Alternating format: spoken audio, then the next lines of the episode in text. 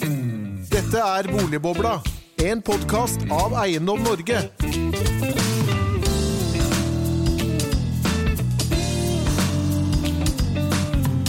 Hjertelig velkommen til en ny episode av Boligbobla. Denne gang om boligbobla, for når sprekker den norske boligboblen? Det må jo selvfølgelig en podkast som heter Boligbobla spørre seg. Eh, Analyseselskapet Eiendomsverdi har nylig estimert verdien av den norske boligmassen til å være 10 333 milliarder kroner, og gjeldsgraden, jo, den er i snitt 38 I store tall er det norske boligmarkedet tilsynelatende solid. Like fullt eh, fikk vi en fersk analyse fra Norges Bank nylig om vurdering av boligmarkedet, og husholdningsgjelden og boligmarkedet er, er ifølge dem den største risikoen for finansiell ustabilitet i norsk økonomi. Hvorfor, spør vi, og når sprekker den norske boligbobla? For å ta oss gjennom dette temaet, så har vi fått noen utmerkede gjester. Eh, Sjefsøkonom eh, Harald Magnus Andreassen, hjertelig velkommen til deg. Takk skal du ha. Direkte fra Bergen, du rakk det.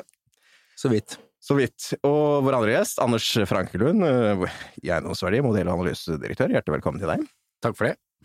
Og ved min side som alltid, Henning Lauritzen, Eiendom Norge-direktør, hjertelig velkommen til deg også. Takk, takk. Eh, Vi tikker jo nå første dagen i desember. Hvordan, eh, hvordan ser boligmarkedet ut eh, så langt i år, Henning? Så langt i år så er, det solgt mange boliger i Norge. Eh, Ved utgangen av oktober så, eh, så lå vi på et rekordhøyt nivå, noen få prosent før fjoråret. Det går også veldig fort å selge bolig i Norge. Eh, I oktober så var det nede, helt nede i 33 dager, som, eh, som er sånn rundt ti dager raskere enn det som har eh, vært normalt på samme tiden på året. Og, og så har boligmarkedet sånn prismessig beveget seg inn i mer normaltleien etter, etter den veldig spesielle koronatiden. Men, Så- men det er jo store forskjeller rundt omkring i landet. Altså Oslo eh, vel, ligger vel nå på rundt en 3 oppgang så langt i år, men, mens i andre deler av landet, Bodø, er det jo 15 opp nesten. Ja, sånn, eh, Oslo har jo hatt en, altså en 12 måneders på, på 5,5% nå, som, eh, som har tikket jevnt og trutt nedover, mens Bodø ligger på snaue 15% så det er veldig store forskjeller rundt omkring i landet. Men samtidig så er jo det som kanskje har overrasket oss og, og mange med oss, det er jo det at det, det høye volumet som du nevnte, det, det vedvarer. Altså vi, vi ligger jo an til å få et rekordår i antall solgte boliger. Ja, det var i fjor, I så, så stanset det rett under 100 000. Eh, I år så er det nok ganske store sjanser nå for at eh, det kommer til å gå eh, litt over eh, 100 000. Og, og det kan man på mange måter si er litt spesielt når vi har renteoppganger på, på gang og en del andre ting, så man kunne tenkt seg dempet kjøpelisten lite grann. Anders, dere, dere gjør jo en øvelse annethvert år, eller hvert år er det, hvor estimerer vært hvert år, vi glemte det i fjor. Ja, det, det var, ja da, da var det så mye annet å tenke på, da, 2020. Men dere gjorde jo dette i 2019, og da, da var vel konklusjonen det at dere estimerte verdien av boligmarkedet til å være like mye som oljefondet, og nå, nå ligger det litt under. Eh, Hvordan, eh, hvordan er ståa nå? Litt under, og så er det, var det litt høyere gjeldsgrad i fjor. eh, Eller belåningsgrad totalt sett, hvis du sammenlignet med husholdningens gjeld. Vi gjør det jo litt for gøy. Det, jo Det er jo for, veldig gøy. Det er veldig gøy å, å bare beregne hva er verdien av den totale massen, men det er selvfølgelig en viktig samfunnsøkonomisk størrelse. Spesielt da å sammenstille med, med den totale gjelden til husholdningene. Så det vi, det vi gjør, vi bare teller antall eh, boliger. Og vi finner omtrent to millioner boliger, og så finner vi, eller 2,1. Og så er det en del eh, fritidsboliger også, så, så totalt sett så er det sånn 2,5 ish, eh, eller 2,4 Så det er ca. 2,1 million boliger, 400 500 000 fritidsboliger, ikke Ja, noe sånt. Eh, Og så har vi da modeller som kan beregne hver enkelt av disse her, og så regner vi på det, og så aggregerer vi opp, og så får vi et tall. Og så setter vi sammen det med, med altså, ulike fylker, boligtyper og så videre. Det er jo morsom øvelse, som sagt, men også interessante tall. Men altså, i snitt så, så er jo tilsynelatende boligmarkedet ganske solid, da, når du snakker om en gjeldsgrad på, på 38% og den er gått ned da, målt mot verdien de siste to årene. Absolutt, så det kan jo tyde på at gjeldsopptaket er i hvert fall ikke én til én med, med, med utviklingen av verdien, da. Så verdien har økt mer enn det gjeldsopptaket har. Og så er det betjeningsevnen som er den, er den viktige her, det syns jeg man mister litt grann i, i boligdebatten. Det er ikke så lenge siden det var en kronikk i DN hvor det var snakk om at uh, ja, hvis det blir negativ egenkapital, kommer man da og bailer ut uh, så videre. Det er egentlig ikke så viktig sånn til det daglige. I det daglige så er det jo at du skal betjene gjelden, at du ikke blir tvunget til å selge. Vi har hatt et uh, case i Stavanger hvor, hvor du egentlig har hatt sånn worst case scenario for et boligmarked. Fallende priser. priser over lang tid. Mm. Eh, Jeg har faktisk i, min, i mitt forrige liv, i min forrige jobb, så har regnet ganske mye på det, for vi hadde en forretningsidé at vi skulle lage forsikringer for boligprisfall. Ja, så jeg har liksom jeg. regnet på hva som er det absolutt verste. Det absolutt verste er ikke en sånn kort dipp og så opp igjen. Det, Langvarig er mye Det er ikke Lang- det normale heller. Det lange er det normale. Ja, De lange nedturene. Så det, og det har gått greit i Stavanger. Apropos det med, med volumene. Det er jo, tror jeg, en veldig viktig årsak til at volumene har gått opp så mye i den regionen. Mm. Der har det gått opp med over 15% fordi folk har kommet ut av den egenkapitalfellen. For nå har du da muligheten til å flytte, så det er masse oppdemmet flyttebehov som ikke har vært mulig å realisere før, fordi du hadde ikke da 15% egenkapital til å kjøpe deg til neste bolig. Det er nå realisert, og det er også en viktig faktor tror jeg, i boligmarkedet fremover, eh, Henning, at eh, når, du, når prisene stiger, så, så frigjør det egenkapital, og det frigjør øh, flytting. Mm. Mm. Det, det genererer aktivitet. da. Men Harald Magnus, du har jo, du har jo sagt i 20 år nå skal uh, boligprisene Er falle. Jeg bare, jeg, bare jeg, bare, jeg bare søkte litt rundt her, og du hadde sagt Er det var i 2013, så sa du at det skulle falle 40 og bare, altså, Ja, det har jeg sagt flere ganger. Og så sa du nå i, i 2020, i april, 23. april så, jeg til og med var, så, så sa du at boligprisene kunne falle 25 kunne. kunne Jeg har aldri sagt at de skal, jeg har aldri sagt, jeg har sagt at de kan. Um, og det er helt men- riktig, jeg har vært negativ til boligmarkedet. Og bolig er den dårligste investeringen, så har du Ja, sagt mange ganger. sagt. Ja, jeg, har tatt, altså, jeg har tatt så grundig feil på norske boliger at det er rart at noen spør meg om det fortsatt. Men det er jo gøy, da. Det er jo gøy ja, det, det er morsomt. Når Nå må først sies at det beste analysen jeg har gjort i min karriere som økonom, og denne blir ganske lang nå, eh, det var analysen av boligmarkedene i vestlige land eh, tidlig på 2000-tallet, hvor boligprisene boligprisen steg mye, gjelda steg og boligbygging steg. Eh, Og det endte jo da med den største økonomiske krisen etter, eh, siden 30-tallet. Eh, Altså finanskrisen. Finanskrisen, ja, i 2008, men boligmarkedet i USA toppet ut i tidlig 2006. Mm, ja, det husker jeg. Eh, og det var da etter en, som sagt, en periode med kraftig gjeldsvekst, kraftig økning i boligprisene og eh, høy boligbygging. Og dette har vi jo sett i mange land gjennom historien, også vårt eget land. Vi hadde en boligkrise som ble en gjeldskrise, som ble en bankkrise, som gjorde at de norske bankene gikk konkurs i, eh, tidlig på 90-tallet. Eh, etter en kraftig oppgang i boligprisene, kraftig oppgang i gjeld og høy boligbygging. Men Og det der dette- er jo en slags anakronisme, å sammenligne med, dette, nei, Mm. men dette, Mm. dette er noe vi har sett i nesten alle land. Mm. Og dette har vært de mest de viktigste økonomiske Mm. periodene i økonomien. Det har skapt de største oppturene og de største nedturene hvor en stor del av befolkningen mister arbeidet, de mister egenkapital, og de etterpå så nedbetaler de gjeld i en 10 år, 15 år. Og dette har vi vært gjennom, dette har amerikanerne vært gjennom, danskene og nederlenderne og britene og spanjolene og vi, kan, vi har hele rekka. Altså det er, dette har skjedd i land etter land, og det er like uforståelig hver gang at det kan skje igjen. Fordi at vi, når vi er inne, jeg pleier å si det, bobler er usynlige innenfra. Og det gjelder, altså Jeg jobber jo nå med aksjer, aksjemarkeder, og, og jeg jobber i et meglerhus som holder på med det, ikke med, med boligeiendom, men bolig er viktig for økonomien og dermed for andre markeder, og renter selvfølgelig. Eh, og der skjer det akkurat samme. Eh, I oppgangsperioder så er det så lett å tenke på alt det som kan gå bra, og så er det så kjedelig å tenke på det som kan gå dårlig. og når jeg da, jeg var i USA i årene, hvert år i årene før uh, frakt frakk der borte, og jeg hadde som eneste tema, viktig makrotema, dette, disse boligmarkedene kommer til å gå over ende. Og det gjorde de, så det sang, og konsekvensene av økonomien ble enda mye verre enn det jeg kunne forestille meg. Mm. Det var da det som ble finanskrisen, og den finanskrisen den kom to og et halvt år etterpå. Mm. Da hadde boligmarkedet i hovedsak falt fra seg, men det at boligprisene falt, og at folk begynte å nedbetale gjeld, og i tillegg hadde mange lånt da selvfølgelig som ikke klarte å gjøre opp for seg, det skapte da krisen som vi kalte finanskrisen. Så jeg ble jo ikke profet i eget land, for her fortsatte boligprisene å stige. Etter en liten dipp i 2009-10 så var vi i full gang igjen. Det samme skjedde for øvrig i tre andre land, eller fire andre land. Det er i Sverige, i Australia, Canada og New Zealand. Og dette er land som er veldig spesielle, og det ligner på Norge i mange sammenhenger, særlig Australia. Eh, Og Canada, altså hvis vi ser på aksjemarkeder og valutakurs og sånne ting, så er det jo, vi kan ikke se forskjell på dem. Vi kan ikke se forskjell på boligbyggingen, vi kan ikke, for- kan ikke få se, se forskjell på, eh, sa jeg, aksjekursene. Australia og Norge er identiske på aksjekurser i halvannen generasjon. Du kan, altså det er på millimeteren det samme. Det som skjedde, det var veldig enkelt at finanskrisen ikke slo ut i disse landene.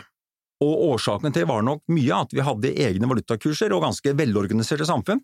Og i tillegg så ga Kina full pedal når de skjønte at det raknet i de vestlige landene. For å redde seg selv, men det førte også til at de reddet mange andre. Oljeprisen kom veldig fort tilbake, eh, og vi hadde nesten ingen økning av arbeidsledigheten i disse fire landene, fire-fem landene. Hos oss økte ledigheten et prosentpoeng, halvannet. Der hvor boligbobla sprakk, Spania. Spania, Mm. Irland, USA, Mm. en lang rekke land, Danmark, Nederland. Altså dette var et vest, vestlands, ilands, et ilandsproblem, for å si det veldig enkelt. Det var veldig mange land som, som gikk inn i fella, og bobla sprakk. Der steg ledigheten en fem, seks, syv prosentenheter, mot én til halvannen hos oss. Og det som skjedde etterpå, det var fantastisk, for når renten da ble satt ned i de landene som gikk på den store stjernesmellen, det førte ikke til at de kunne redde sine boligmarkeder, for der hadde jo skadene allerede skjedd på boligmarkedene. Så boligprisene falt videre på lave renter, og det skjer hvis du, en annen bagatell, eller digresjon, hvis du skal ha, hvis jeg bare får beskjed om at jeg kan spørre ett spørsmål om et land, om boligprisene går opp eller ned, så er det beste spørsmålet vi skal stille, stiger eller synker rentene? Hvis rentene synker, så faller som regel boligprisene. For det er, fordi det er en grunn til at rentene faller, og det er at boligprisene faller. Så lave renter er normalt sammenfallende med dårlige boligmarkeder. Men det som skjedde da, det var at rentene ble satt ned der de, der de trengte å sette ned rentene. Men fikk like, vi fikk like lav rente som de andre. Og vi skjønte egentlig ikke hvorfor, det var jo strengt tatt ikke grunn til det heller. For ledigheten økte nesten ikke. Boligprisene gikk jo ikke ned, det var ikke noe krakk i boligmarkedet. Som det var hos de andre. Så vi fikk like lav rente, skjønte ikke hvorfor, og det var ikke lett som sagt. Og vi fortsatte festen i eh, tolv år til, i alle fall da. Men det var først, først Jeg vet ikke om jeg er helt enig for det var først i mars 16, altså da Norges Bank satte ned renten, at boligprisen i Norge virkelig tok av. Å nei, nei, nei, det er helt feil. Ja, du mener det? Ja, ja, ja. Det, det store gapet mellom oss og de andre, Mm. det skjedde fra 2010. Fra da, Vi hadde en liten rugling, litt rugling her, men i mange land så falt jo boligprisene mye. Mm. Og eh, det er helt riktig at det var et ekstra spark bak når Norges Bank satte ned i 16, for å berge oss fra oljekrisen. Mm. Det, men hele den perioden så har vi hatt en utvikling med vekst i boligprisene, og med en saftig gjeldsvekst. Mm.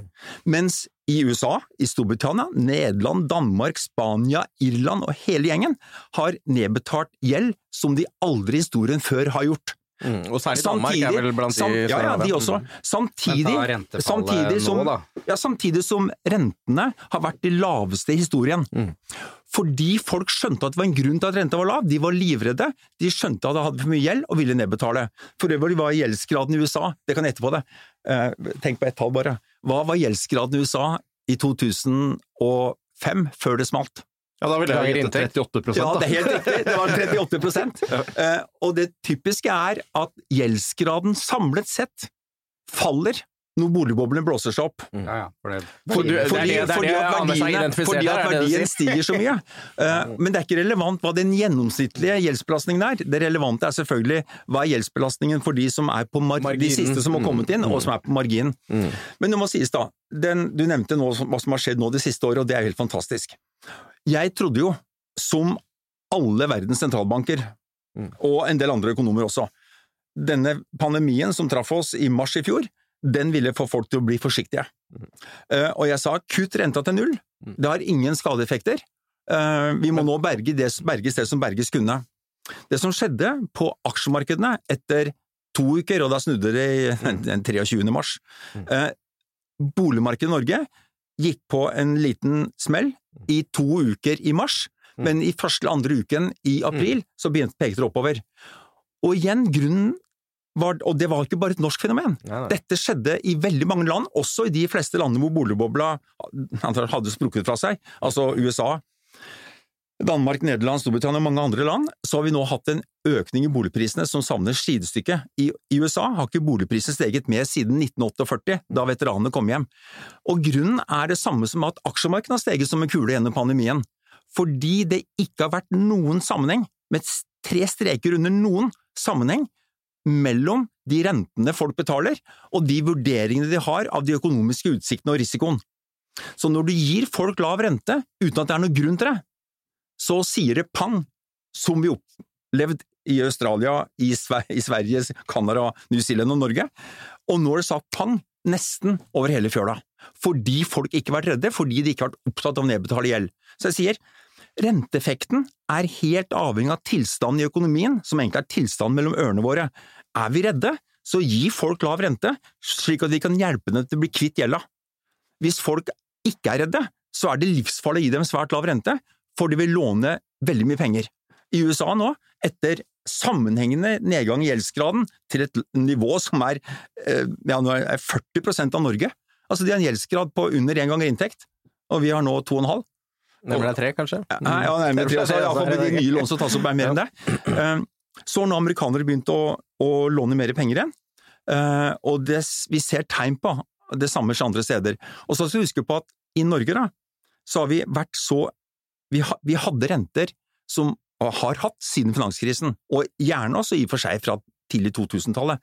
Renter som har vært svært lave i forhold til veksten i økonomien, svært lave i forhold til hva folk følte av hvordan økonomien så ut. Og til slutt så har vi klart å, og fra da midten av to tidtallet her, så har vi da måttet innføre mange reguleringer. Nå har vi femgangeren og 85 som det mest dominerende. Måtte, grensen, på, på, I forhold til utlån mot inntekt og mot boligverdi. Og hvis du ser på hvordan lånene nå fordeler seg, de nye lånene opp- som gis opp mot f- så jeg, jeg, har sånn, der, jeg lagde det der buret, det helt, jeg kaller det fugleburet, og jeg tror jeg er sånn Norske gjeldsburet, navnet. Eh, og det fugleburet, det holder ekstremt gjeldsveksten nede. Og vi kan Og bare tenke sannsynligvis oss også boligprisen, da, i hvert fall på Østlandet. Hadde vi, hadde vi ikke hatt dette buret, som hadde holdt eh, låntakerne og bankene, for de er med på det selvfølgelig alltid, bankene ser jo aldri noe problem med å låne penger i gode tider. Det er jo derfor vi har disse gjentatte gjeldsboblene og eiendomsboblene som sprekker.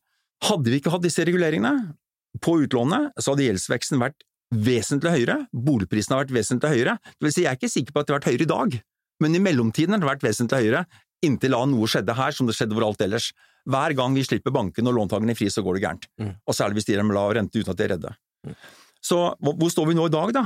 Ja, vi står altså med boligpriser som er ja, tre og en halv gangen, eh, tre til tre og en halv gangen realpris i forhold til der jeg kom fra. De har steget mer. New Zealand her ligger mer oss hvis de tar prisene fra før 1980. Eller, 90 nei, unnskyld, fra år 2000. Vi tar hele historien for der, og så ser vi hva som skjedde etterpå. Norge er det landet som boligprisen har steget mest, ved siden av New Zealand, sammen med selvfølgelig Australia, eh, Sverige og Og Canada. Eh, og det har ikke skjedd noe spesielt med inntektene våre. Det har ikke skjedd noe spesielt med husleiene. Så målt mot husleie og målt mot inntekt, så ligger den samme gjengen på topp. Altså ikke helt på topp alle sammen, det er noen som smetter inn innimellom, men i sum så skiller disse landene seg helt fra alle andre. Så oppsummert Og så er du Og grunnen er at vi har hatt renter som ikke har vært i nærheten å balansere etterspørselen til kreditt ved hjelp av prisen på kreditt, renten. Så oppsummert så er du fortsatt altså da, det, det krakket, det kommer. Ja, ja, ja. Det, det, ja, ja jeg tror, og det tror jeg, altså, jeg tror Det som er det grunnleggende for det, det er ikke eh, gjelda i og for seg, eller prisene i og for seg, men jeg tror at dagens prisnivå, eh, når politikerne, hvis de hadde oppført seg ordentlig og gjort det de burde gjøre, så burde dagens prisnivå ha ført til at det ble bygget for mye boliger. For det som tar knekken på de fleste spekulasjonsbølger, eh, det kan være at gjelda til slutt blir så tung at det er den som knekker og en liten renteoppgang Ja, er blåser over ende. Ja, ja, Men det er Spania, høy bygging, som, høy høy bygging som, er den, som er det verste som kan skje. Og dette gjelder i shipping. Men der sørger jo kommunene for at Ja, det ikke at det er ikke og det sier, Vi, altså, Vi er jo ikke i nærheten av en overbygging. Ja. Nei, nei, jeg sier, nei, nei, jeg sier jo det. Vi, altså, vi, har, vi, har en mye høy, vi har en høy bygging i forhold til de fleste andre nå. Vi har hatt det ja, i hele arbeidsinnvandring ja, ja, og i hele, og i hele, og hele perioden, og hele perioden fra Husk byggetallene i Irland, som du nevner. Ja, vet. de var, de var godt over men- 100 000. Jo, jo, I Norge så bygger vi Jo, jo, men- 30 000-40 men vi bygger 000 godt i- sammen. 30 det vel. Ja, ja, men vi bør ikke gå til Irland. Gå til Danmark, gå til Storbritannia, gå til USA. Det, vi behøver ikke ha boligbygging som ligger helt utafor alle støvleskaft. Eh, og de siste ti årene, altså etter finanskrisen, så har Norge hatt vesentlig høyere boligbygging. Gjett sammen med hvilke tre-fire andre land? De Ja, altså, nasjonalt er jo det, men altså, Men- på østlandsområdet er det jo Ja, ja, så bygget omtrent tror 40 ikke- 000 for få. Per i dag så tror jeg ikke vi har noe akutt overbygging. Og så og så mener jeg også det kreditthåndverket som ble utført i USA og Irland, hvis du tar to eksempler der, hvis du hører hvordan det ble utført Ja, ja, ja. Altså, Det var Det var mye verre. helt galskap. ja, Jeg syns ikke norske banker er der i det hele Altså, det er, er jo, det én ting som kom ut av finanskrisen, så var det jo en tsunami av reguleringer. Ja da. Ikke bare utlånsregulering. Ikke, ikke bare reguleringer, for det har ikke vært veldig mye tap på PM-markedet selv i, på 90-tallet, som du nevner. Norske Nei, nei, banker men- har ikke gått veldig i skoene av seg. Når du hører, hører podkast med irske professorer og sånn, Ja. hvor bankene kom hjem og ringte på vet du hva, her er lånepapirene, for de ble målt på, på Men saldokreditt. det det må sies da, at det er ikke bankenes tap på lån til husholdninger som er problemet hjemme noe sted. Det var noe i USA, men det var ikke mye. Det er de fallende var- prisene og ja, den reale økonomiske ja, priser, altså, men Mm. da kunne det blitt, Man kunne tenke seg at det ble tap på utlånet, og noe var det.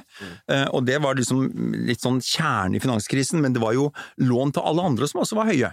Som førte til at, eh, at bankene gikk for ende. Og I Norge så var det ikke tap på boliglån som skapte bankkrisen. Det var Det var næring- tap næringslån. på næringslån. Ja. Men hvorfor gikk næringslån over ende? Jo, det var fordi at folk Økonomien gikk dårlig. jo, men det var fordi at, Og hvorfor var økonomien dårlig? Jo, den ble dårlig fordi at husholdningene etter å ha brukt veldig mye penger og lånt mye, så gikk de til banken og betalte avdrag for å bli kvitt gjelda. Og da kunne de ikke gå i butikken og på restauranten og til byggmesteren. ja, ja. Og da gikk de konkurs, og da gikk bankene konkurs. Så det, vi trenger ikke ha konkurs, det er ikke det som er problemet. Problemet er at husholdningene endrer atferd. Og bruker mindre penger fordi de blir redde og har skjønt at de har gjort noe gærent. Og det er det som skjer i alle sånne økonomiske sykler. Bedriftene, husholdningene, skjønner at de har gjort noe som de ikke kan fortsette med, endrer atferd, og det skaper da rebalanseringsbehov i økonomien, da, som vi kaller økonomiske nedturer. Men i Norge nå så er jo sparingen vært akseptabel til husholdningene. Gjennom finanskrisen har den vært høy, selvfølgelig. Vi har ikke, kunne ikke dratt til utlandet og gå på restaurant og sånn, så vi har spart masse penger. mener du, ja. Ja, korona, mener jeg. Så vi har spart mye penger. Uh, Så, så i Norge nå så er det ikke noe sånn akutt case på at, eh, at boligprisen skal falle. Så er det Men- et poeng til, da, for vi snakker veldig mye om prisendringer. Vi må også se på prisnivåene. Prisnivåene i Norge er ikke avskrekkende.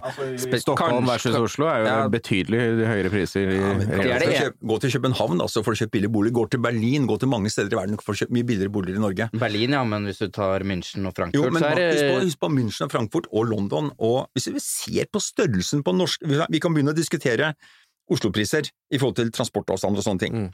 Og så har du snobb-effekt på at folk liker å bo der hvor andre rike bor, og alt det der. Jeg, forresten, har akkurat Ja, kjøpt, tar- jeg, jeg har akkurat kjøpt leilighet på Frogner, så jeg vet hva jeg snakker om. Så- Men hvis du tar utenfor Oslo, da, så Stavanger, Bergen, altså hvis du ser på prisnivåen der, så er det liksom Det er, Nei, det er ikke det er, halv- det er, det er, ikke, det er ikke dyrt, altså. Nei, nei, det er ikke så dyrt. Jeg er helt enig i det. Og, men allikevel, det som er interessant, er at Stavanger Dette er et kjempecase. Stavanger hadde de nest, de høyeste de hadde nest høyeste prisene i Norge, over Asker og Bærum, bak Oslo i 2013-2012-13. Så det kom høyeste salget av champagne og Porsche ja, også. ja, det, alt var, det, var, det var fryd og gammen i Stavanger den tiden. Eller det burde jo noen burde og sett så- den komme, ja. Og så, ja, jeg, jeg sa fra. jeg sa fra, det var, og det var pga. olje... Det var Stavanger du mente! Det var Stavanger, det var Stavanger du mente! Stavanger men, Men, men- men jeg var bekymra når oljeprisen falt også for landet i 2013. Men det var du vel ikke alene om, da? Nei, jeg var ikke alene om det. Men i Men iallfall, Stavanger hadde de nest høyeste boligprisene i landet. Så kommer eh, oljesmellen, oljeprisen faller fra over 100 og et godt stykke ned, oljeinvesteringene raser, og det går surt i Stavanger. Og eh, boligprisen har egentlig vært straka veien nedover. Nominelt har det falt vel en 10-15 ti år eh, 10-15%. Realprisen, realprisen er realprisen er 25 Eh, og Stavanger har gått fra å være nummer to til nå er det vel nummer 11 eller 12, tror jeg. Den ligger klart bak Drammen, det er kanskje ikke noe så spesielt, Drammen er en sentral by, men det er så vidt boligprisene i Stavanger nå er høyere enn Hamar med Stange. Mm. Og det jeg legger vekt på, så er det det med Stange, når jeg er i Stavanger og snakker om det. Så boligprisene i Stavanger er det samme som på Hamar. Mm. Men der har det vokst en del, da. Ja, Særlig i Stange. mye, men det er, Hamar er blant de billige byene, sant? Det er billig. Det som er det fascinerende da, da skulle man tro at til, hvis realprisen faller 25 Mm. Så skulle det ikke lenger være lønnsomhet igjen å bygge boliger. Men de har jo bygd som bare det. Mm. Nettopp! De bygger videre fordi det fortsatt er tomteverdier igjen. det er fordi han så- Østerhus har så mye Jeg vet det, men sagt at Østerhus tjener penger på det. Mm. Og det er klart at, Jeg vet ikke hva tallet var, men la oss si at det var et tall, at de, Mm. at de kunne få 14 000 meteren. mm. eh, tom, altså tomtebelastning i, i boligen. Og så kanskje den er blitt fire, da, for å ta tall bare. Ikke noe akkurat hva de er, men det er vesentlig mindre tomteverdier igjen enn det det var. Men det er fortsatt tomteverdi igjen. Mm. Og det valget, hvis du har en tomt, du har to valg da. Vente og se hva som skjer. Eller bygge på den og få realisert verdiene. Mm. Og det de gjør, de bygger og realiserer verdiene som er igjen i tomtene. Men det må du gjøre uansett hvor du er. Altså, så, som grunneier så må du få realisert ting. Med og det mitt kontantstrøm på poeng ting. her er Det blir bare- også misforstått en del i debatten. Ja, men hør her, og mitt, mitt poeng er da veldig enkelt. Du, du må ikke hvis du taper på det. Hvis du ikke får Nei, da gjør vil du ikke gjøre det, Nei, nei. selvfølgelig. Åpenbart ikke. Hvis du ikke dekker byggekostnadene, så bygger du ikke. Nei, men, men det som er poenget, er at hvilke andre byer i Norge kan vi tenke oss under omstendigheter vil det være mulig å bygge boliger til en pris som er 25% lavere enn i dag? Det er de aller fleste. Mm. Og det er grunnen til at vi ikke trenger å gjøre det. Det er at vi har et kjøpekraftig publikum Mm. som har fått lånt masse penger til en rente som ligger langt under vekstutsiktene. Mm. Vi kunne pressa den sitronen enda lenger og la den låne enda mer, for det vil jeg gjerne gjøre. men det er kun tilgangen på kreditt til en Mm. ekstremt lav realrente og negativ realrente, som ikke er i nærheten har noe forhold til folks inntektsforventninger, som gjør at vi har hatt en helt annen utvikling i boligmarkedet i Norge, som i Sverige og Canada og Australia, enn i alle andre land. For der var det en grunn til at renta var lav. Og det er det som har gjort at boligprisene har steget. Det er ikke knapphet på tomt i Norge. Nei, nei, nei. Det er litt Ja, i i Oslo, er det jo det. Jo, litt, ja, Oslo, selvfølgelig på Frognerhøyden, eller på Ja, det gjelder jo hele Oslo Jo, hele Oslo er det tomt. Altså, bortsett fra Tja. Tja. Ja, det er jo- Tja, det, det- det fins byggeklare tomter rundt omkring i Oslo Ja, kommune det gjør det, men altså reguleringsreserven, Nå har vi jo det er endelig fått Oslo kommune fått reguleringsreserve, og da snakker de rundt en 7000, altså, som er spaden i jorda. Ja, og og, det det er- er, to års boligproduksjon, så det er jo Og det er, ikke bare, er ikke bare kommunens reguleringer, det er også hvordan um, infrastrukturen, altså Ja, ja, ja. bygges ut. Ja, jeg har en tidligere kollega, han er nå blitt visesentralbanksjef, han- eh, vi jobbet, jobbet sammen med han i mange år i Swedbank. ja, ja, ja, ja. Mm. Vi, vi, vi skrev det papiret Skikkelig, sammen, det gjorde jeg nettopp, ja. ja selvfølgelig, det husker jeg jo. Tidligere gjest her i Boligbobla. Ja, nettopp så bra. Han er en fantastisk dyktig fyr. Jeg hadde veldig glede av å samarbeide med han i mange år, og så dro jeg et, et annet sted, og det må han være igjen. Han sa han ikke kunne stille opp i boligbobla igjen når han fikk den nye jobben. Da. Nei, det, jo, det kan han gjøre. Det kan han gjøre. Men, men i alle fall I hvert fall ikke være eh, like den, fritt, den Anne, analysen deres viste, sant, det var at du kan legge på noen frimerker på Nittedal, Mm. Uh, ut på hvor det var ski, eller hvor det var en, eller på uh, Dette må jo lytterne få med seg, dette er jo transportanalysen Ja, som ble gjort, at man da kunne redusere boligprisene, var en Ja. øvelse. det var Ved da noen var- ganske det heftige infrastrukturinvesteringer. Det var for å vise at det var en veldig tett sammenheng mellom boligprisene og reisetiden til Oslo sentrum. Før korona, da, ja. Ja, Riktig før nok. korona. Eh, og, og, og så er det sånn at Norge har ikke ennå gått tom for tomt. Vi er et av de mest tynt befolkede land i verden.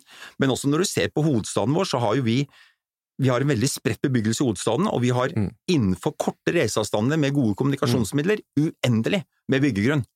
Men vi, Så ikke... får, vi ikke- infrastruktur og vedlikeholdet, da, siden vi har bygd på den måten, så da får Ja, vi det igjen på den Vi den får det igjen, det er helt riktig det. Så, og det er helt riktig at det er jo ikke gjort en håndvending heller å, å få bygget den type infrastruktur som gjør at folk kan da bo på Nittedal og bruke kort tid det var vel det som var problemet med den analysen, om jeg skal være helt ærlig. Det var jo det at dere tok jo ikke høyde for hva kostnadene med å bygge T-bane eller jernbane nei, til altså, det, Nittedal. det, er Øystein skal ha all honnør for dette. Dette var Eller det egget som da til knuser ved å og, og da ta og knerte Markagrensa. Nei, men Når du da skulle poeng- poenget til- altså. Poenget til eh, Øystein var jo bare at eh, hva han regnet på samfunnsøkonomisk verdi på en, på en litt sånn, eh, kall det en enkel måte. Men Fordi du sier hva er betalingsvilligheten Ja. for å bo, bo sentralt?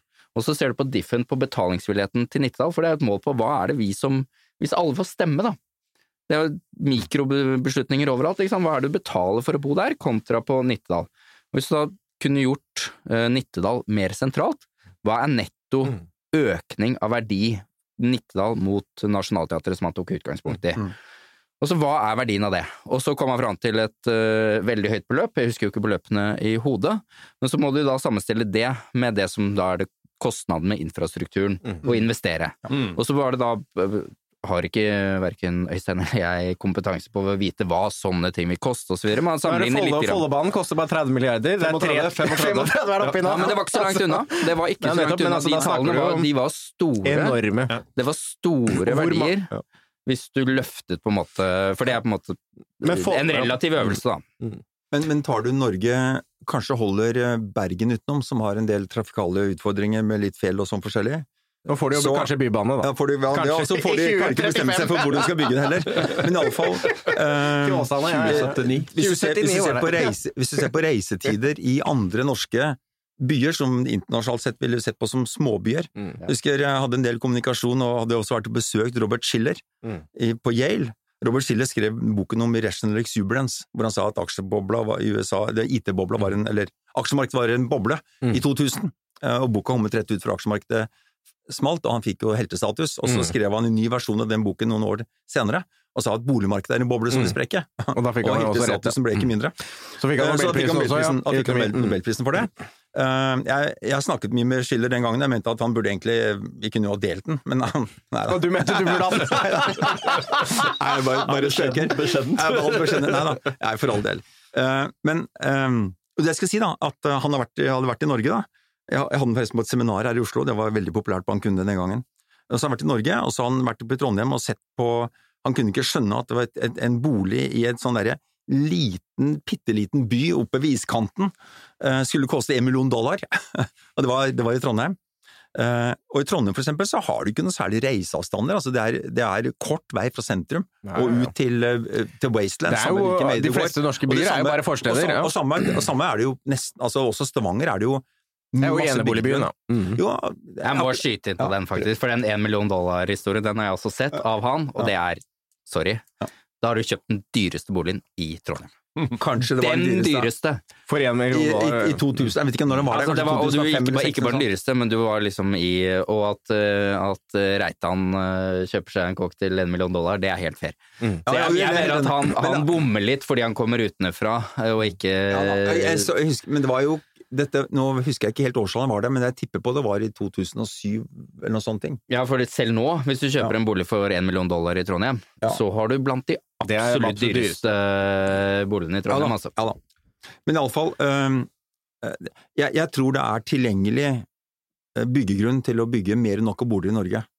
Eh, de aller Det er, fleste er det jo stedene. helt åpenbart. og det, det- og det det er- jo sånn man kanskje kan tenke når man kommer fly innover en av de store Ja, norske byene, at eh, her Ja. kan det være plass igjen. Men da så han ikke- at det var, altså, da, det var da 40 kommuner på den flyturen han fløy over. Nei, det, for der var det ingenting. Der var det ingenting. Nei, da bygges det veldig mye i, kall det i Det er jo Lørenskog, Ja, som redder, ja. Er redder boligmarkedet i Oslo, eller Ja. på Østlandet. Men så er det interessant, for apropos det med pendling, jeg har også dratt den, eh, vært i London og snakket med ratingselskapene. De er veldig opptatt av, eh, altså de som kredittretter norske banker, veldig opptatt av norske boligmarkedet. Ja, det er det. Og så viser jeg liksom prisnivåene, eh, og så viser jeg eh, den der sykepleierindeksen for å vise hva de tjener, så sier jo han eh, sjefen der, sa jo da bare tørt til, eh, til associaten at well, uh, well, Alexander, are you considering moving to Oslo to become a nurse? Han syntes at de tjente veldig bra, for det er også et poeng. Altså, normalinntektene i, i Norge er ganske høye, og det er de som tross alt skal kjøpe boliger. Men så viser jeg da hvor langt ut må de da pendle for å få tak i. Og da viser jeg liksom Lørenskog, og så viser jeg sånn på Google Maps, da, en sånn uh, commute. Og sier nettopp. What? Is this a problem? Eh, this is not a commute. Men det er klart, i London og timer, i? Paris, altså i storbyer, så er jo pendleravstandene noe helt annet. Det er jo ikke sammenlignbart. Nei, og da kan du forklare og forsvare ganske høye priser i sentral for de som har sett det høye pris på tiden sin. Mm. Og det er jo det samme som skjer hos oss også. Men vi skal ikke langt ut for å få eh, lave priser. Og, og husk også at eiendom, altså eiendom i sentrum er ikke dyrt på grunn av bolig, nødvendigvis. Det er næring. Det er næring som Du må tenke på eiendom. Du, du forspiller er på en måte samme tomten. Tomten har mye høyere verdi for en, en næringsaktør som da bør ligge i midten, fordi du skal ha Mm. ansatte rundt deg. Så hvis du ser på kvadratmeterprisen, så er det selvfølgelig høyere for næring, og så går det liksom Det for det er egentlig suburbs hvor folk bor, da. Eller altså eh, Hva heter det? På, Forstad heter det på godt norsk. Snakket før episoden om at du ikke skulle bruke engelske uttrykk, men nå har du forsnakket deg. Da, dask oss på fingeren hver gang vi gjør det. Men altså, noe er jo annerledes etter korona, ikke sant? Og vi stiller jo noen spørsmål når sprekker boligboblen. Altså, er det noe som kommer ut, du snakker om eiendom som sådan. Altså, det blir jo også mye mer konverteringer, og det blir jo høyere bygging, sannsynligvis, av korona også. Selv om uh, småhusprodusentene klager over høyere kostnader osv. Så, Jeg- jeg- så kommer det, jeg- tilbudet jeg- kommer jo opp, jeg- og det vil jo gi, gi lavere priser, og det blir også høyere renter, og kanskje høyere enn vi ser for oss også. Jeg syns det har vært noen interessante Jeg syns André og Erling i Housing Lab har gjort noen interessante analyser på at det, det tydeligvis skifter, skifter noe her, eh, men kanskje mindre enn man ser for seg i de avisoverskriftene. At ikke Mm. folk bosetter seg Altså litt mer ut til forstaden, litt rett mer ut i forstaden. Og så tror jeg vi, vi har også gjort noen analyser eh, på eiendomsverdi hvor vi har funnet ut at areal Folk vil ha mer areal, så vi ser at uh, det, det tyder på at liksom rekkehus, tomannsbolig, uh, eneboliger stiger mer, det selges fortere, så det er en, det er en økt etterspørsel etter areal. Så gjorde jeg faktisk en analyse for, uh, som vi også har diskutert før, Erik, før korona. Men jeg så på hva er det vi har bygget i tiårsperspektiver Leiligheter. Ja. fra, altså fra Jeg så egentlig på boligmassen, litt samme analysen som i stad, men at se etterkrigstiden, da. Hva har vi bygget i hver tiårsperiode? 50, 60, 70, 80, 90 og så videre. På 70- 80-tallet så bygde vi masse familieboliger. Det var Husbanken, Husbankhusenes Ja, og så bygde du bygde ut, når du bygde ut på Eiksmarka, så var det mye familieboliger, det var rekkehus, og så videre. Nå bygges det nesten utelukkende leiligheter. Mm. Og hvis du sammenligner det på en måte med og så tenker da tilbake igjen til at boligpreferansene kanskje har forandret seg, at man nå ønsker da mer plass, så er det en eh, mismatch her, altså. Mm. Og det er jo det som gjøre at man da Ja, nå har, har det skjedd noen ting i det siste som gjør at kanskje flere skjønner at vi kommer til å ha korona noe lenger enn man først trodde også. Ja. Og jeg er, jo, jeg, er jo i, jeg er jo i den båten som du mener at det har lånt altfor mye. Eh, Men jeg du jeg, mener jo sånn på privaten skal man jo bare ta så mye gjeld man Gå, kan. gå ikke an å få for mye gjeld. Nei, og, det, Eh, og det er fordi at du gambler på at du, det finnes idioter som er enda større enn deg, Anders, som er enda større idioter. Nei, jeg, Og, jeg, og, og, og, og vi kan ikke ta livet av eh, så mange av dem, vi bare tar livet av noen få ved å sette opp rentene. Ja, men jeg kan, Men jeg kan, altså- jeg kan jeg, jeg, utelukkende, i hvert fall nå er jeg ganske langt langsiktig perspektiv jeg skal bo nå, jeg har utelukkende kontantstrømtanke Ja, i, mitt, i mitt hode. Jeg, jeg tenker ikke på hvor prisene skal overhodet. Og hvis du sammenstiller, for da, da har du egentlig et alternativ, for den, den hvor prisene skal er jo egentlig Du kan mene at de skal ned eller opp eller hva som helst, den, den tenker jeg er symmetrisk. Den kan gå opp, den kan gå ned. Og da tenker jeg, hva er konstantstrømmen fremover? Skal jeg kjøpe eller leie? Og så kan du si at det er en veldig lav direkteavkastning på å leie ut, så sånn sett så er det ikke sånn veldig lukrativt å kjøpe for å leie ut. Men hvis du regner på det måned for måned, hvis jeg skulle leid en bolig kontra å, å eie den, så er det Det er ganske åpenbart. Det er eh, ganske åpenbart valg. Hvis jeg ut-. Hvis jeg skulle leid ut eh, kjelleren min i tillegg, da, som jeg egentlig hadde tenkt til, Mm. så, hadde jeg, så hadde jo leietager betalt hele finansieringskostnaden min. For det er jo renten, ikke sant? Og det, og det er jo helt riktig, og det er fordi at eh, i dag er rentene ekstremt lave, og det Ja. kan jo i prinsippet tenkes at de Men de kunne, forblir kom, de kunne kommet litt opp Ja, ja, litt også, fortsatt men så hadde det husk på veldig veldig greit. det- Så hadde staten fritatt deg for skatt på inntekten i tillegg. Ja, ikke sant? Ja, nå, ble det, nå ble det på det- grunn av korona, så leier jeg ikke ut, for nå er det blitt hjemmekontor. Men det er som du sier, altså det er jo det at vi har denne, kall det asymmetrien, altså vi, eh, eller forskjellsbehandlingen, vi får fradrag for renteutgiftene Mm. under påskudd at vi skal ha inntekter Mm. fra boligen, men de inntektene beskatter vi ikke. Så jeg har aldri skjønt hvorfor Altså, vi gikk jo bort fra den fordel egen boligbeskatning i 2005-2006. Ja. Mm. Folk skjønte jo ikke, og det var, ikke noe, det var jo ingen verdsetting av bolig eller uh, Nei, ingen forståelse for det tallet. Men da Eh. måtte du, hvis du skulle tatt bort det, da, så måtte du, hvis du skulle fått symmetri, skulle Tollefsen ikke fått eh, rentefradrag for uh... Ja, men det er derfor jeg sier at jeg, jeg ville ikke tatt bort rentefradraget, jeg ville gjeninnført en, en Fordelsbeskatning. fordelsbeskatning Mm, som hang sammen med rentefradraget. For at du får masse, så mange problemer. Hva med de som har Mm. låner penger for å Fordelings- investere i aksjer, eller ja. gjerne i annen eiendom og sånne ting. Ja. Så det, Men det, det syns jeg er veldig vanskelig. politisk realisme at man kommer til å er, med det. det er nok ikke stor jo alle, alle økonomer sier at det er riv ruskende gærent. Og jeg har aldri skjønt hvorfor du skal subsidiere de som kjøper store boliger på bekostning av Ja. de som kjøper små. Men nå, nå skjer det jo ting altså, i budsjettene nå. Ja, nå altså, skjer det jo ting, ja da. formuesbeskatning, Eh, utligningsverdisystem osv. Altså, det, det, det kommer til å bli, bli Men det, er, men det er jo riktig at så lenge det ikke er noen sammenheng mellom øh, Eller så lenge rentenivået er så lavt som det er i dag, så kan det jo berettige enhver investering i realkapital, bolig eller aksjer eller hva Mm, som helst, mm. fordi at det er så ekstremt lønnsomt. Så du Eh, rapporten fra McKinsey? De har skrevet sånn 200-siders rapport på nettopp det her med at nå eiendomsprisene i hele verden De har regnet på det fra et balanseperspektiv. Ja, jeg har ikke sett dem, jeg har sett 100, jeg har gjort, jeg har sett 100 sånne rapporter og laget mye selv også. Eh, ja, og det er fordi at renten er et sted som ikke gir likevekt i økonomien. Men nå Og, gru, og grunn, husk på det, grunnen til at vi har nå hatt disse nullrentene, Mm. det er at sentralbankene var skitredde, som også jeg var, Mm. for at nå ville hele systemet rakne. Mm. Og det var den forsikringspremien de tok Mm. ut. Og nå strever det hele gjengen. da Norges Mm. Bank tok jo steget tidligst og, Mm. og sa fra at dette går jo ikke. Mm. Eh, og komme seg tilbake igjen. Og de siste i løpet av de siste fem-seks ukene, eller to månedene nå, så har det vært en massiv reprising av renteforventningene Mm. i USA, i Storbritannia, og i Canada, i Australia og New Zealand selvfølgelig, eh, og litt i Norge, men vi hadde jo kommet i gang så det blir ikke så mye ekstra her. Eh, og til og med i Europa, altså eurosonen og Sverige, eh, har tikket eh, renteforventningene oppover. Men Men så, det, så det betyr bare at vi skal ikke være så Altså, jeg er Det kan godt tenkes at norske renter blir lave for evig tid. Jeg skal komme tilbake til hvorfor, veldig kort. Men jeg tviler på at de lave rentene som vi har i mange land nå, gir en stabil og god økonomisk utvikling over tid. Og det er jo det det viser Det er at det ikke gjør. det er det Altså, helt grunnleggende. Ja, og Mm. det fører til at folk bruker penger feil. Mm. Når rentene i Norge kan få bli lave lenge, så er det veldig enkelt fordi at det er så mange som har lånt så mye Mm. at de tåler ikke en høy rente. Og vi kan jo ikke ta livet av veldig mange av de som har lånt, for vi mener at renten burde ha vært høyere før. Mm. Det, så vi er i en måte fanget. Vi er, Man vi, er altså, fanget, vi har da tar du hjørne. inn- Da tar du livet av økonomien du tar, du, tar livet, du har lurt folk inn i et hjørne og, og latt dem låne altfor mye penger, eh, og da sitter vi der. Så Og da kan- Anders har blitt lurt her. Nei, ja. Nei, men han tenker som jeg skal si at Ja, dette er jo diskusjon med unge folk hele veien, og de tenker jo helt riktig. Altså, bare ikke jeg er strekker strikken så langt Mm. at jeg er den første som ryker når renta kommer opp, Mm. så går jeg klar. Mm. For at renta skal noe opp, men den dagen det begynner å få materiell innvirkning på økonomien på boligmarkedet, Mm. så selvfølgelig ikke renta økes videre. Og det er også forklaringen på hvorfor renten ikke kan økes. Men, Men husk, Ja. Husk så at skal tåle, Hazard- du skal tåle 5 prosentpoeng påslag sånn.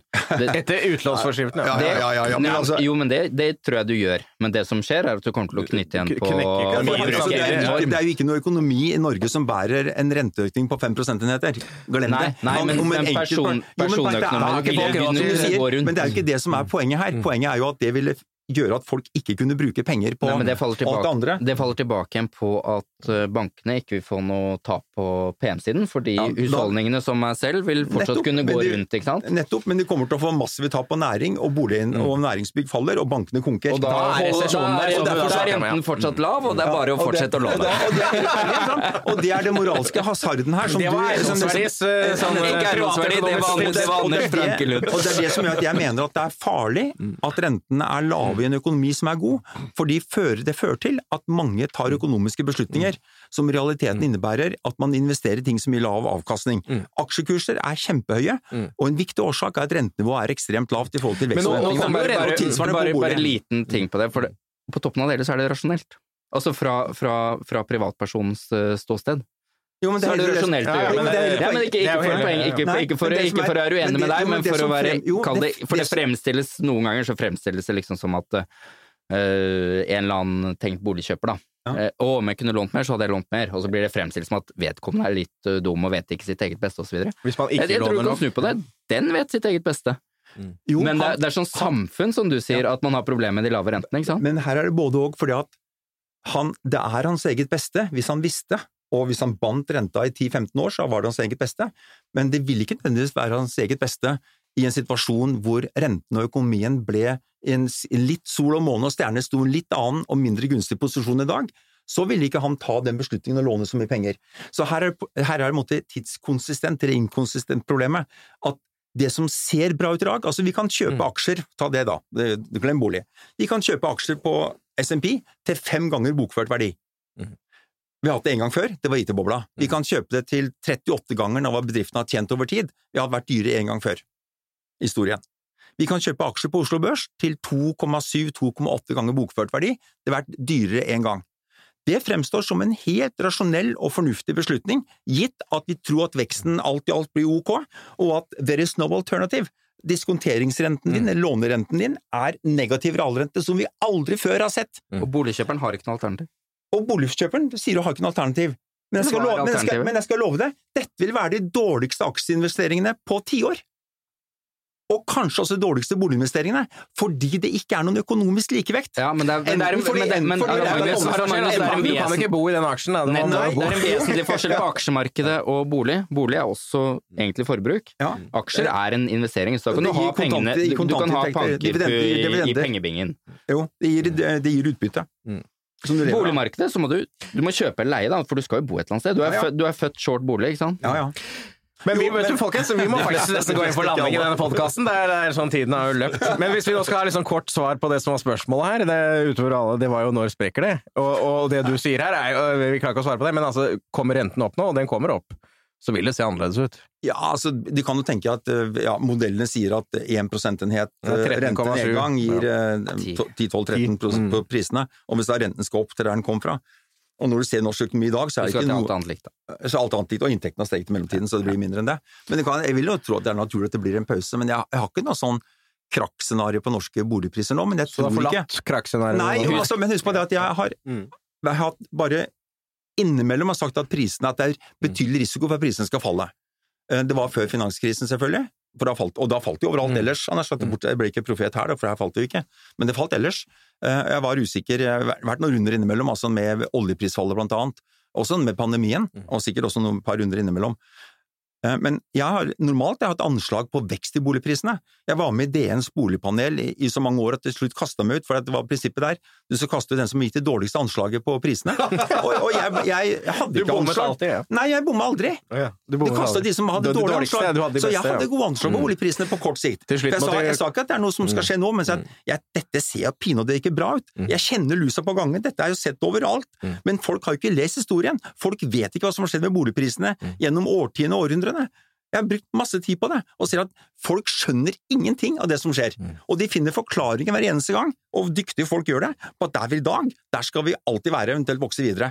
Og sånn har det aldri vært Det var for langt svar på spørsmålet. Anders.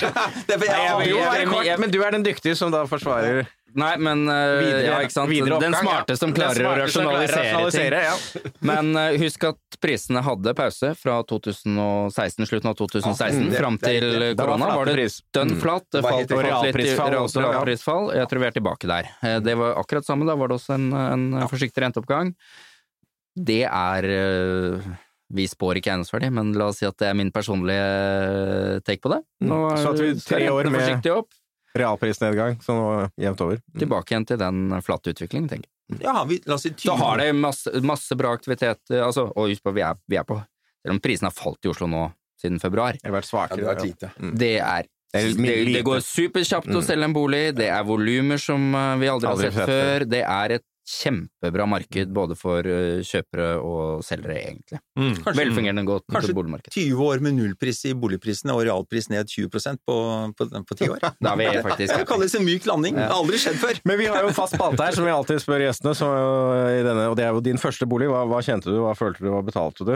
Eh, Harald Magnus? Eh, Min første bolig var, kjøpte jeg vel i 1986, for da var Oi, sønnen ble født. På topp. På topp. Det var nesten på toppen, og så solgte den videre med stor fortjeneste i 88, for hadde, begynt, hadde ikke begynt å falle. Ja, ja. Så kjøpte jeg en ny bolig ute på Nordstrand, og den eh, gikk jeg vel, gikk, jeg husker ikke, tror jeg prisen så mye opp, men det var, eh, jeg fikk, jeg gjorde en veldig godt salg, tror jeg, etterpå, og kjøpte et hus på Nordstrand, og bodde der i eh, 20 år pluss.